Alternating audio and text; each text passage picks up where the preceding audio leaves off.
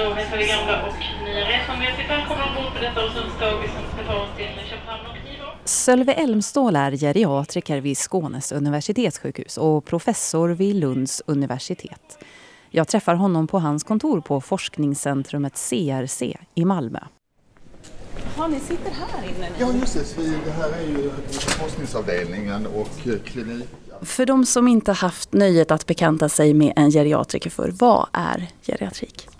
Ja, geriatrik det är ju läran om äldre människors sjukdomar.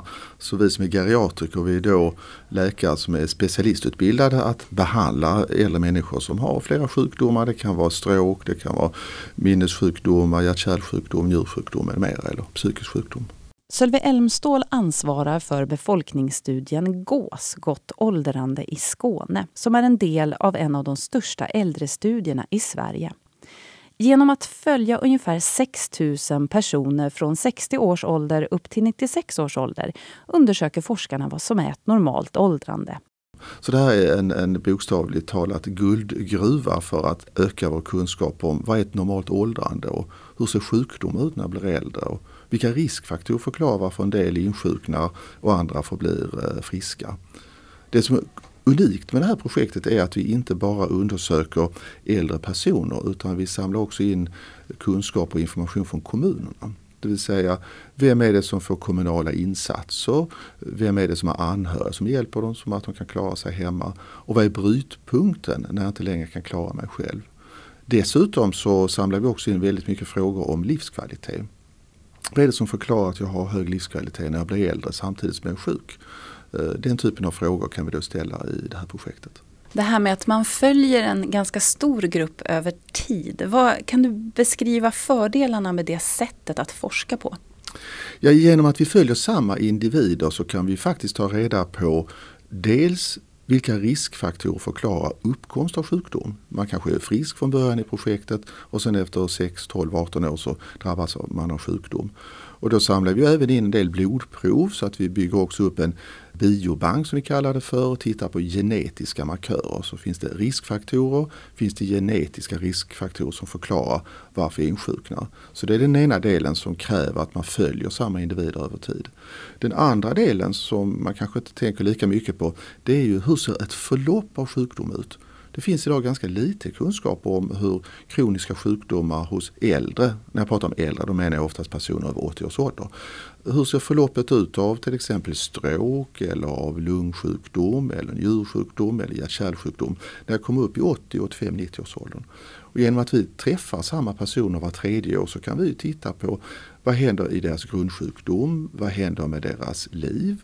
Möjligheter att leva ett självständigt liv? Eh, vad händer med deras funktionsförmåga? Och det kan en sån här longitudinell studie, alltså där vi följer samma individer över tid, ge svar på. Så man kan liksom se hur man hoppar från en sjukdom kanske till nästa? Dels det, därför att med åldrandet så vet vi att man tyvärr drar på sig fler sjukdomar. Det brukar vi kalla för multisjuklighet. Så det kan vi då se vad betyder det att inte bara ha en utan kanske två, tre, fyra sjukdomar. Sen den andra aspekten vi kan titta på det är ju vad är det som förklarar varför vissa personer med en sjukdom är stabila? inte förändras och varför andra personer får en fortsatt försämring i sin grundsjukdom. Så de här olika aspekterna tittar vi eh, ganska mycket på. Och vi vet också att eh, skillnaderna i eh, funktionsförmåga det brukar öka med ålder. Så livet är lite orättvist. Vissa personer som kanske klarar sig ganska bra i 60-70 års åldern, där ser vi att de här skillnaderna i exempelvis gånghastighet, i muskelstyrka blir större när jag kommer upp i 80-90 årsåldern. Så vi har alltså personer som är 90 år gamla som är snabbare, har bättre balans än sina kompisar som är 60 år gamla. Och den här skillnaden blir alltså större med ålder. Kan du nämna några, för det är en nationell studie det ingår i, vad har man lärt sig Eh, vad har det kommit ut för spännande resultat? Ja, vi har fått fram väldigt mycket resultat där vi försöker ta fram normalvärden. Exempelvis vad är normalvärde för njurfunktion när man blir äldre? Eh, och det är data som då kommer från eh, det här projektet. På samma sätt, vad är normalvärde för lungfunktion? Vi vet ju exempelvis att eh, om inte man har referensvärden när man blir äldre så kan vi antingen riskera att vi överdiagnostisera, det vill säga att vi sätter en diagnos på felaktiga grunder för vi saknar referensvärden för äldre. Och det här är ett exempel vi har upptäckt när det gäller kronisk obstruktiv lungsjukdom. Att tar man inte hänsyn till åldrandets effekter så riskerar vi att överskatta sjuklighet.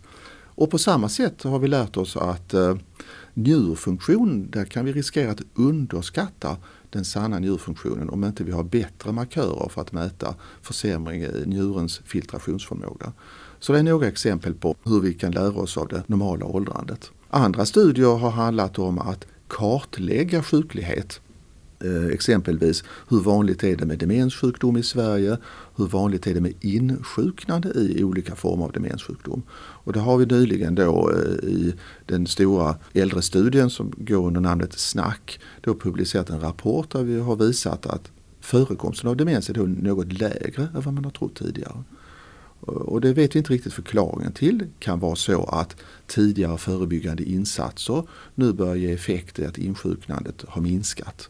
Exempelvis eh, förekomsten av vaskulär demenssjukdom som vi vet kan minskas om man har bra behandling av blodtryck, blodfetter, diabetes. Så det här är några exempel där vi har lärt oss nya saker från eh, den här GÅS-studien. Hur ser då ett normalt åldrande ut? Vad kan vi förvänta oss? Ja, för de flesta så vet vi idag att medellivslängden har ökat ganska dramatiskt. Jag menar 1948 så kanske jag hade 12 år kvar att leva i genomsnitt. Och nu eh, snart 50-60 år senare när jag har fyllt 65 år då har jag minst 21 år kvar att leva. Så för de flesta så innebär ju åldrandet att man kan leva med ganska god funktionsförmåga upp i 75, 80, 85 års åldern. Men när man passerar 80 års ålder, när vi har följt samma individer, då ser vi att eh, ungefär eh, en tredjedel under en sexårsperiod börjar få en nedgång i sin funktionsförmåga. Och vad betyder det? Jag kan inte handla mat, jag kan inte laga maten, jag kan inte röra mig självständigt ute och så småningom kan jag inte riktigt klara mig själv. Så det är ju medaljens baksida att å ena sidan har vi många som kommer kunna leva ett väldigt friskt och bra liv upp i hög ålder. Men vi kommer få en grupp som kommer utveckla skörhet. Och den här skörheten kräver och förutsätter ju då medicinska insatser. Och här är ju livet orättvist så att även om människor har levt ett väldigt sunt och bra liv så kommer en del drabbas då av eh, kroniska sjukdomar och funktionsinskränkning. Jag tänker på det här att, att åldras, det verkar som att det går lite olika snabbt för oss. Är, är det så? Ja, vi har börjat eh, intressera oss allt mer för vad är det som förklarar att vissa individer bibehåller funktionsförmåga. Vi har ju pratat ibland om att vi har sårbarhetsfaktorer men vi har ju även eh, friskhetsfaktorer som buffrar eller skyddar oss. En del av det kan då vara genetiska sårmarkörer och en del handlar förstås om vad vi har utsatt oss för risker. Och vi vet ju från tidigare så kallade tvillingstudier att eh, det genetiska arvet förklarar ungefär 50% av dödsrisk. Eh, och även av sjuklighetsrisk. Fördelen med det eh, resonemanget och den kunskapen är att ungefär hälften är ju faktiskt påverkansbart. Det vill säga den livsstil vi har kommer att påverka vår funktionsförmåga längre upp i livet. Ett, några exempel från det är ju, eh, är ju till exempel att insjuknande och dödlighet i kroniska folksjukdomar som hjärtinfarkt, stroke har minskat dramatiskt de sista 40-50 åren. Och det är ju rimligen en konsekvens av att förebyggande insatser på blodtryck, rökning, eh, diabetes, eh, höga blodfetter har gett utdelning. Och det tar kanske då 20, 30, 40 år. Så att eh, det är ju en av förklaringarna att medellivslängden har ökat så bra som den har gjort. Men någonstans innebär ju detta också att vi förskjuter sjuklighet upp i hög ålder. Och det har väldigt stor betydelse för behandling därför att när man blir äldre har man mindre reservkapacitet, man är mer sårbar. Så att drabbas då av kronisk sjukdom i hög ålder innebär att rehabilitering tar längre tid, man kan drabbas av komplikationer i större omfattning. Och då måste också vården ha kunskap att behandla dessa multisjuka äldre. Och det är därför då geriatrik och geriatrisk kunskap är så nödvändigt inom vård. De gener man har, de har man ju. Men eh, vad, konkreta råd, hur ska man, vad ska man göra för att så gott som möjligt kunna få en god ålderdom då? Ja, det är ganska enkla budskap egentligen, nämligen att eh, inte röka och om man röker se till att man slutar röka. Eh, vi vet ju att det var några år sedan som dödligheten i lungcancer eh, sjönk bland män som har slutat röka i stor utsträckning och det är färre män än kvinnor idag som drabbas av dödlig lungcancer. Tråkigt är ju då att en del yngre kvinnor har fortsatt röka. Så att inte röka, att eh, äta allsidigt, eh, fysisk aktivitet vet vi träningsbarheten bär man med sig hela livet. Så även om jag är 70 eller 80 år så kan jag då tillgodogöra mig de goda effekterna av träning.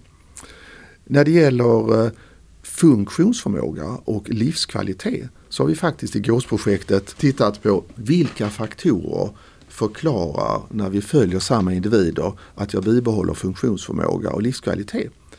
Och då visade det sig att sociala kontakter, socialt liv, eh, vänner var en av de viktigare förklaringsfaktorerna när vi justerade för sådana saker som utbildning, ekonomi eh, och andra grundsjukdomar.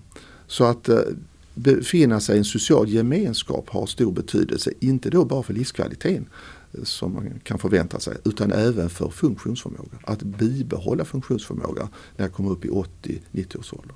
Det här du nämner som forskare ofta säger att när vi justerar för, mm. vad betyder det? Ja, justerade betyder ju att eh, vi är då intresserade av att se hur mycket stör exempelvis utbildning och ekonomi. Och vad menar vi med att störa? Jo, det är ju så att vi vet att eh, kunskap gör att man påverkar sin livsstil. Om vi då tittar på individer som har exempelvis eh, hög utbildning eller eh, har lägre utbildning så kan ju de som är högutbildade kanske tidigare ha ändrat på livsstilsfaktorer och att det är det då som förklarar att de har bättre funktionsförmåga. Och när man då justerar då tittar man på är de här skillnaderna lika stora när vi jämför grupper med olika typer av utbildningsnivåer. Det vill säga vad är det som social gemenskap i sig självt kan förklara. Och det är det man då gör när man justerar eh, i analyser.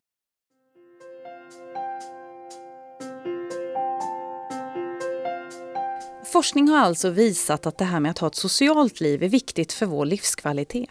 Och det anordnas olika mötesplatser för seniorer runt om i Sverige. Och en sån är Träffpunkt Laurentigatan i Lunds kommun. I matsalen här så pågår den här förmiddagen ett internetcafé och i källarvåningen så spelas det pingis. Och skratten blandas med diskussion om poängställning i matchen. Ove Hallin heter jag, 80 år, spelar pingis varje torsdag. Ofta två till tre timmar. Vi fem eller sex gubbar så att man får möjlighet att vila emellan. Det är ett snabbt spel. Man kan inte prata under tiden man spelar, inte heller när man sitter ner för då stör man alltihopa. Däremot dricker vi kaffe efteråt och då har vi lite småsnack. Det kan gälla vad som helst så att säga. Bengt Persson heter jag. Jag är fotograf, en gammal fotograf. Så jag står fortfarande i labbet och, och och labbar så att säga. Det är ett sätt att komma därifrån. Ingen bordtennisspelare. Men jag tycker det är jäkligt roligt. En utav eh, killarna här berättade jag för att, eh, att jag skulle vilja spela lite bordtennis. För det hade jag en gång gjort eh, i min ungdom. Eh, så sa han att eh, varje torsdag så träffas vi på Laurentiusgatan och spelar lite. Så jag åkte hit och nu är jag en bland gänget här och nu har jag varit med här i två år. Sen blev jag så pass intresserad så jag gick också med i IFK Lund och spelade pingis där så det gör jag fortfarande. Så jag har väl eh, bordtennisträning eh, tre, fyra dagar i veckan.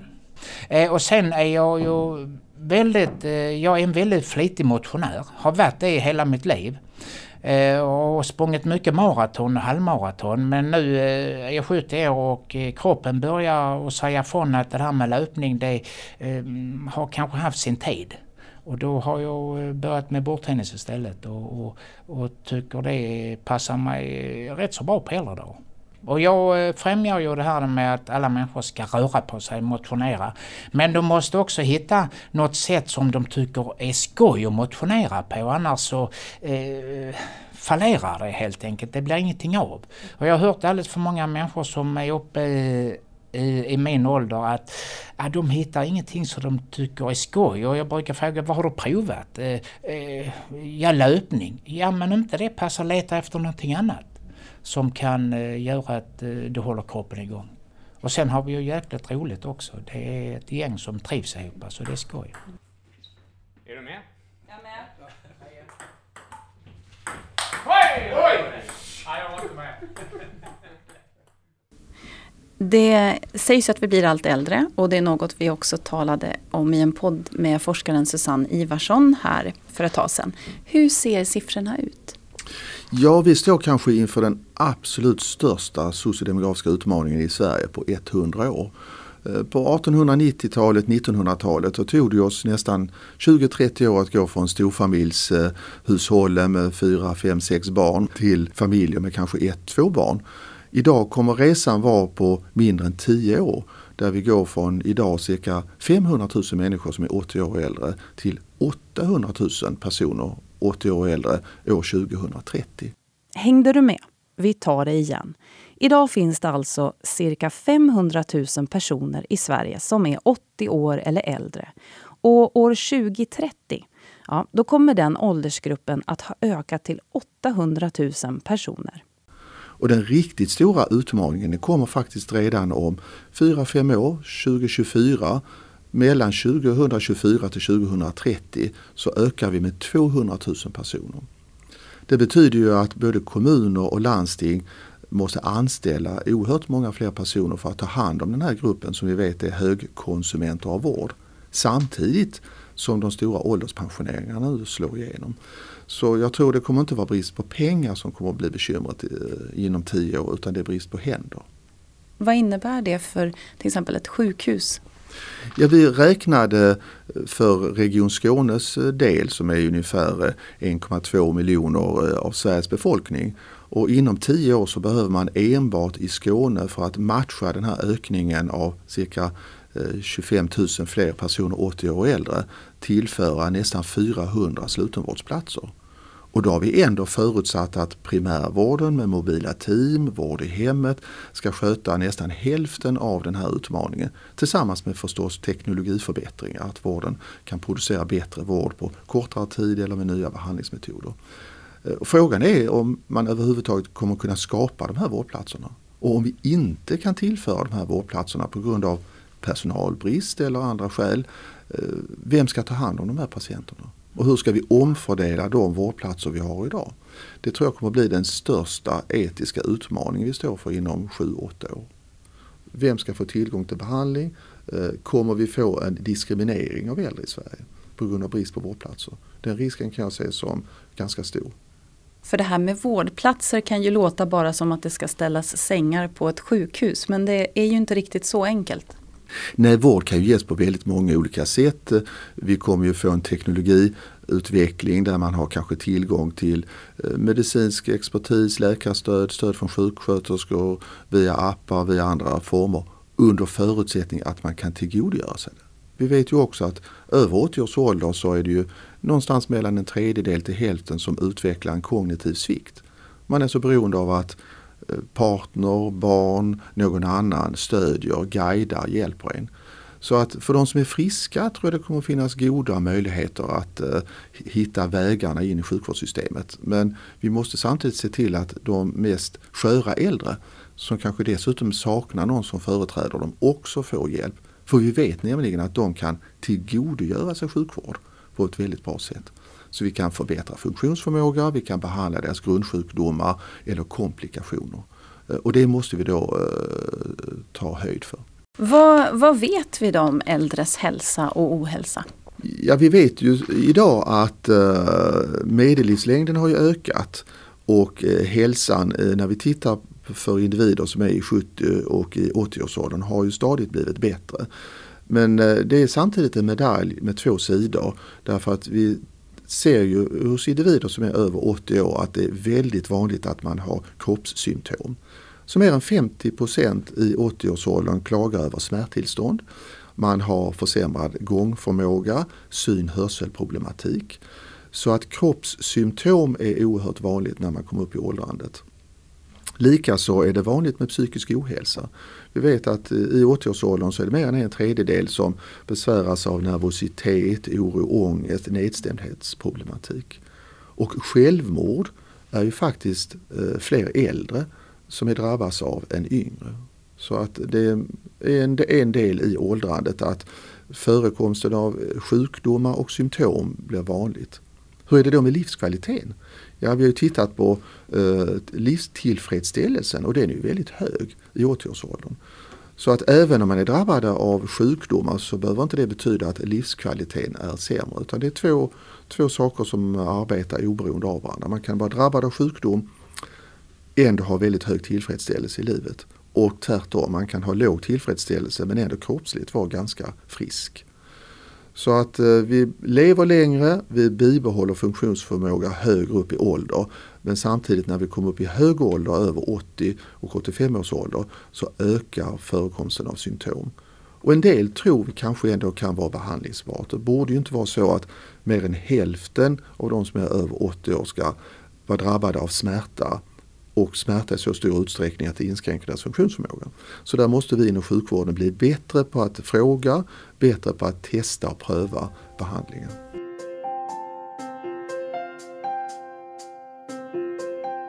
I GÅ-studien som vi talat om i det här programmet ingår personer som är födda från 1910-talet och ända fram till 1960-talet. Vart sjätte år har man tagit in nya grupper av 60-åringar och nya grupper av 81-åringar.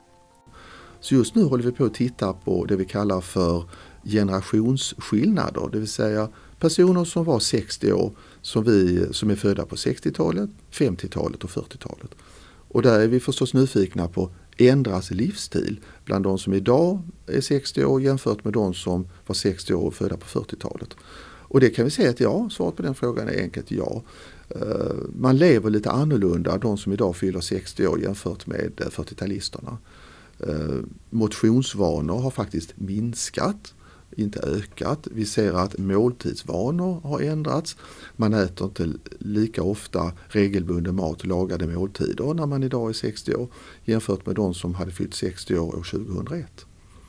Så att eh, livsvanor förändras och det är inte så konstigt. Frågan är då förstås, kommer det påverka hälsan om 10-20 år?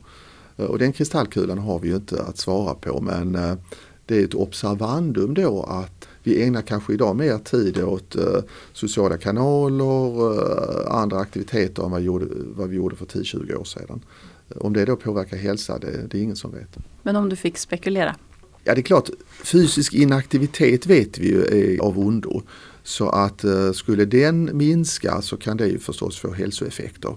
Vi vet också nu från eh, trender för personer i 50-60-årsåldern att övervikt ökar och vi vet också att fetma ökar. Och det här är en välkänd riskfaktor för eh, ohälsa när det gäller hjärt-kärlsjukdom till exempel. Även vissa tumörformer. Så skulle den trenden fortsätta hos de som idag är i 20-30-årsåldern då kan det faktiskt innebära hälsorisker på, över tid. Har sjukdomspanoramat förändrats? Blir vi sjuka av andra saker nu som äldre än vad vi blev förr? Ja, det har det gjort. Så vi har ju sett att exempelvis i förekomsten av hjärtinfarkt har minskat. Eh, överlevnaden när man drabbas av sjukdomen har ökat dramatiskt de sista 30-40 åren. Det beror då på bättre omhändertagande, bättre förebyggande insatser. Eh, man fångar upp dem tidigare i det akuta skedet. Samma framgångssaga har man ju sett när det gäller stråksjukdom, när det gäller många av tumörformerna där vi har fått en påtaglig minskning av dödlighet. Uh, här skördar vi idag frukterna av det vi kallar för prevention, det vill säga insatser som både ska minska risken att insjukna i sjukdom och det vi kallar för sekundärprevention, risken att återinsjukna i sjukdom. Exempel på det kan vara att man behandlar patienter som har förmaksflimmer eller att man screenar för bröstcancer eller att man screenar för bråck i stora kroppspulsådern eller andra tumörformer. Så det här kommer innebära att eh, eh, man kommer leva mycket längre. Eh, men samtidigt kommer man ju ändå senare i livet att drabbas av de här vanliga folksjukdomarna som kognitiv sjukdom, diabetes, hjärt-kärlsjukdom, tumörformer. Och då är man oftare i ett mer sårbart skick när man drabbas av sjukdom. Så det är ju en effekt vi kan se då av behandlingen. Sedan har vi sjukdomar som man inte egentligen dör av men som kan påverka livskvalitet och här har ju skett stora genombrott där det gäller exempelvis eh, muskuloskeletala sjukdomar, plastik och när det gäller syn hörselproblem som vi idag kan korrigera.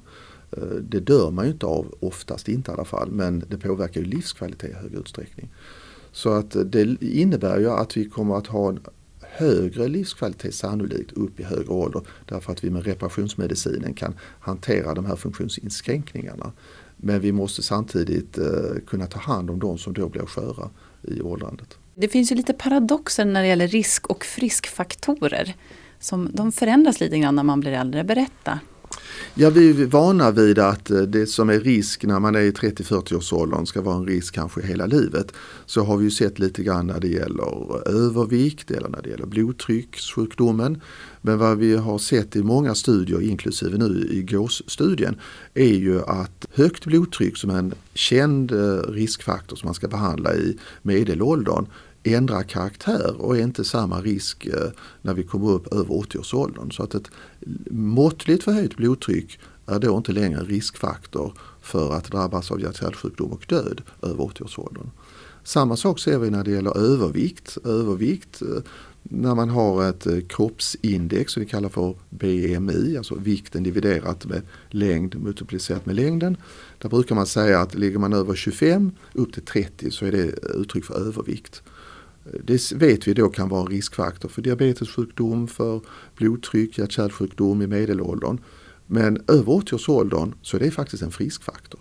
Så vi ser lägre dödlighet hos de som har måttlig övervikt i 80-årsåldern jämfört med de som är normalviktiga. Hur ska man tolka det då? Ska man lägga, lägga på sig några kilon om man, är, om man ligger under de värdena? Ja, eh, det här kroppsindex det är egentligen ett summamått både på muskelmassa och på fettmassa. Så att vad vi tror är att de som då har en, en lindrig övervikt med det här sättet att mäta övervikt, de är nog lite friskare eh, och de har då en större buffert, reservkapacitet, både i form av muskelmassa och i form av fettmassa. Men eh, lärdomen vi kan dra är att eh, vi kan inte dra alla över en kam. Man kanske inte ska ha samma kostråd om jag är 80 år. Det kanske inte är så farligt att jag har en lindrig övervikt om jag för övrigt är frisk. Eh, och då behöver jag inte oroa oss av alla de här eh, olika kostdieterna som eh, många kanske yngre och medelålders försöker kämpa med. Jag vill gärna ta upp en annan aspekt av åldrandet. Det här med att vara anhörig och närstående. Har ni tittat på det? Ja, vi har flera avhandlingsarbeten som har specialfokuserat den anhöriga situation. Det är ju så vi har mer än 650 000 anhöriga i Sverige och det är oftast en lite dold grupp som gör en otrolig insats för att eh, eh både sjukliga, yngre men även äldre ska kunna klara sig hemma. Och vi har tittat då på vad är det som förklarar upplevelsen, känslan av börda hos äldre. Och då har vi funnit att det kan förklaras både av en själv som anhörig, eh, hur är min egen hälsa som anhörig, hur är min privatekonomi, det kostar ibland extra att hjälpa någon närstående, eh, påverkar utbildningen, det hela. Och det andra vi har kikat på är eh, det man hjälper. Påverkar det min upplevelse av börda? Och då har vi sett att den grundsjukdom, den man hjälper, har stor betydelse för bördan. Så personer som är drabbade av demenssjukdom, depressionssjukdom, psykisk ohälsa, deras anhöriga upplever mycket mer av börda, isoleringskänsla, belastningskänsla än eh, jämngamla personer som inte är anhöriga. Vi har också tittat på betydelsen av eh, symptom och hälsa och vi ser ju då att de som är anhöriga, de är mer pressade i form av att de har mer upplevelse av oroskänsla, ångestkänsla, olika former av kroppssymptom. Eh, däremot kan vi inte se, som andra internationella studier har visat, att det finns risk för överdödlighet. Vi har då följt anhöriga i GÅS-projektet i mer än 13 år och tittat på hur ser deras sjukvårdskonsumtion ut, hur ser deras dödsrisk ut. Och vad vi då har funnit är att det är inte förenat med någon ökad risk för försämrad hälsa, dödlighet eller eh, ökad sjukvårdskonsumtion inom primärvården eller inom den slutna vården hos anhöriga. Så det är väl kan man säga det positiva budskapet vi ser. Däremot så ser vi ju då att man har en, en väldigt belastad situation som anhöriga. Och det här är någonting som man bör ta till sig både inom kommunen, hur kan man hitta stödinsatser för dem? Det kan vara alltifrån eh, samtalsgrupper till eh, riktade stödinsatser och avlastning till anhöriga. Och på samma sätt måste vi inom sjukvården bli bättre på att aktivt fråga de anhöriga hur de mår, förklara hur sjukdom utvecklar sig, hur de själv kan uh, hjälpa sig själv och vilken hjälp de faktiskt kan få. För det finns ganska många stödinsatser idag till anhöriga som de ibland själva inte riktigt känner till. Jag tänkte på ett begrepp som kan vara bra att förklara. Det är det här med ökad dödlighet. För eh, dö, det gör vi ju alla. Men när man säger ökad dödlighet, vad, vad menar ni då? Ja, då har vi ju jämfört individer med samma ålder som bor kanske i samma kommun som eh, lever på ungefär samma sätt. Om jag lever ensam eller parförhållanden. Vad är risken att kanske avlida inom tio år? Och så har vi då jämfört den gruppen som inte är anhöriga med de som är anhöriga. Och då kan man säga att nej det finns ingen skillnad. Sen tror jag det är viktigt också att tänka på hur länge är jag anhörig? Hur ser min anhörigresa ut? Och det beror förstås på vem jag hjälper men de som kanske hjälper en person som har en demenssjukdom där ser vi att i början av den här anhörigresan handlar det ofta om förebyggande insatser. Man försöker skydda dem, eh, man kanske hjälper att handla eller man eh, hjälper att eh, det inte ska uppstå någon skada. Men efterhand som sjukdomen blir mer uttalad och insatserna ökar som anhörig då blir de här insatserna man gör allt mer omfattande i tid Bor man i, tillsammans så kanske inte man längre kan leva som man har gjort tidigare. Man får avstå från fritidsintressen. Man blir mer isolerad. Och vi ser att den här resan, den här anhörigresan, för de flesta varar ungefär mellan 4 till 6 år. Så när vi har följt anhöriga under 6 år så 75 procent är inte längre anhörig. Och vem är det då som är anhörig? Ja, i ganska stor utsträckning så är det faktiskt barn som hjälper föräldrar. Alltså barn i 60-årsåldern som hjälper eh, föräldrar i 80-90-årsåldern. Och så är det naturligtvis de som lever i partnerförhållanden, ungefär en tredjedel. Men har du något råd att ge till anhöriga? Ja, till anhöriga tror jag det är viktigt att uh, se att man inte är ensam. Att uh, via olika sociala kanaler uh, söka sig till likasinnade som är i samma situation. Vi vet ju från olika interventionsstudier vi har gjort där vi har samlat anhöriga i grupper att det de har funnit väldigt stor glädje och stöd i i varandra. Så att eh, gå in på kommunen, ta reda på finns där samtalsgrupper för anhöriga eller föräldrar. Eh, det finns anhörigcentrum både nationellt och regionalt. Eh, kontakta dem, skapa mötesplatser, eh, läs på. Ta reda på vilken hjälp kan du få i din kommun. Ring din biståndshandläggare. De kan då ge, ge jättemycket hjälp. Så man är egentligen aldrig ensam även om man kan känna sig väldigt utsatt som anhörig. Eh, och aldrig vara rädd för att ta upp frågor när man är på läkarbesök med det man hjälper.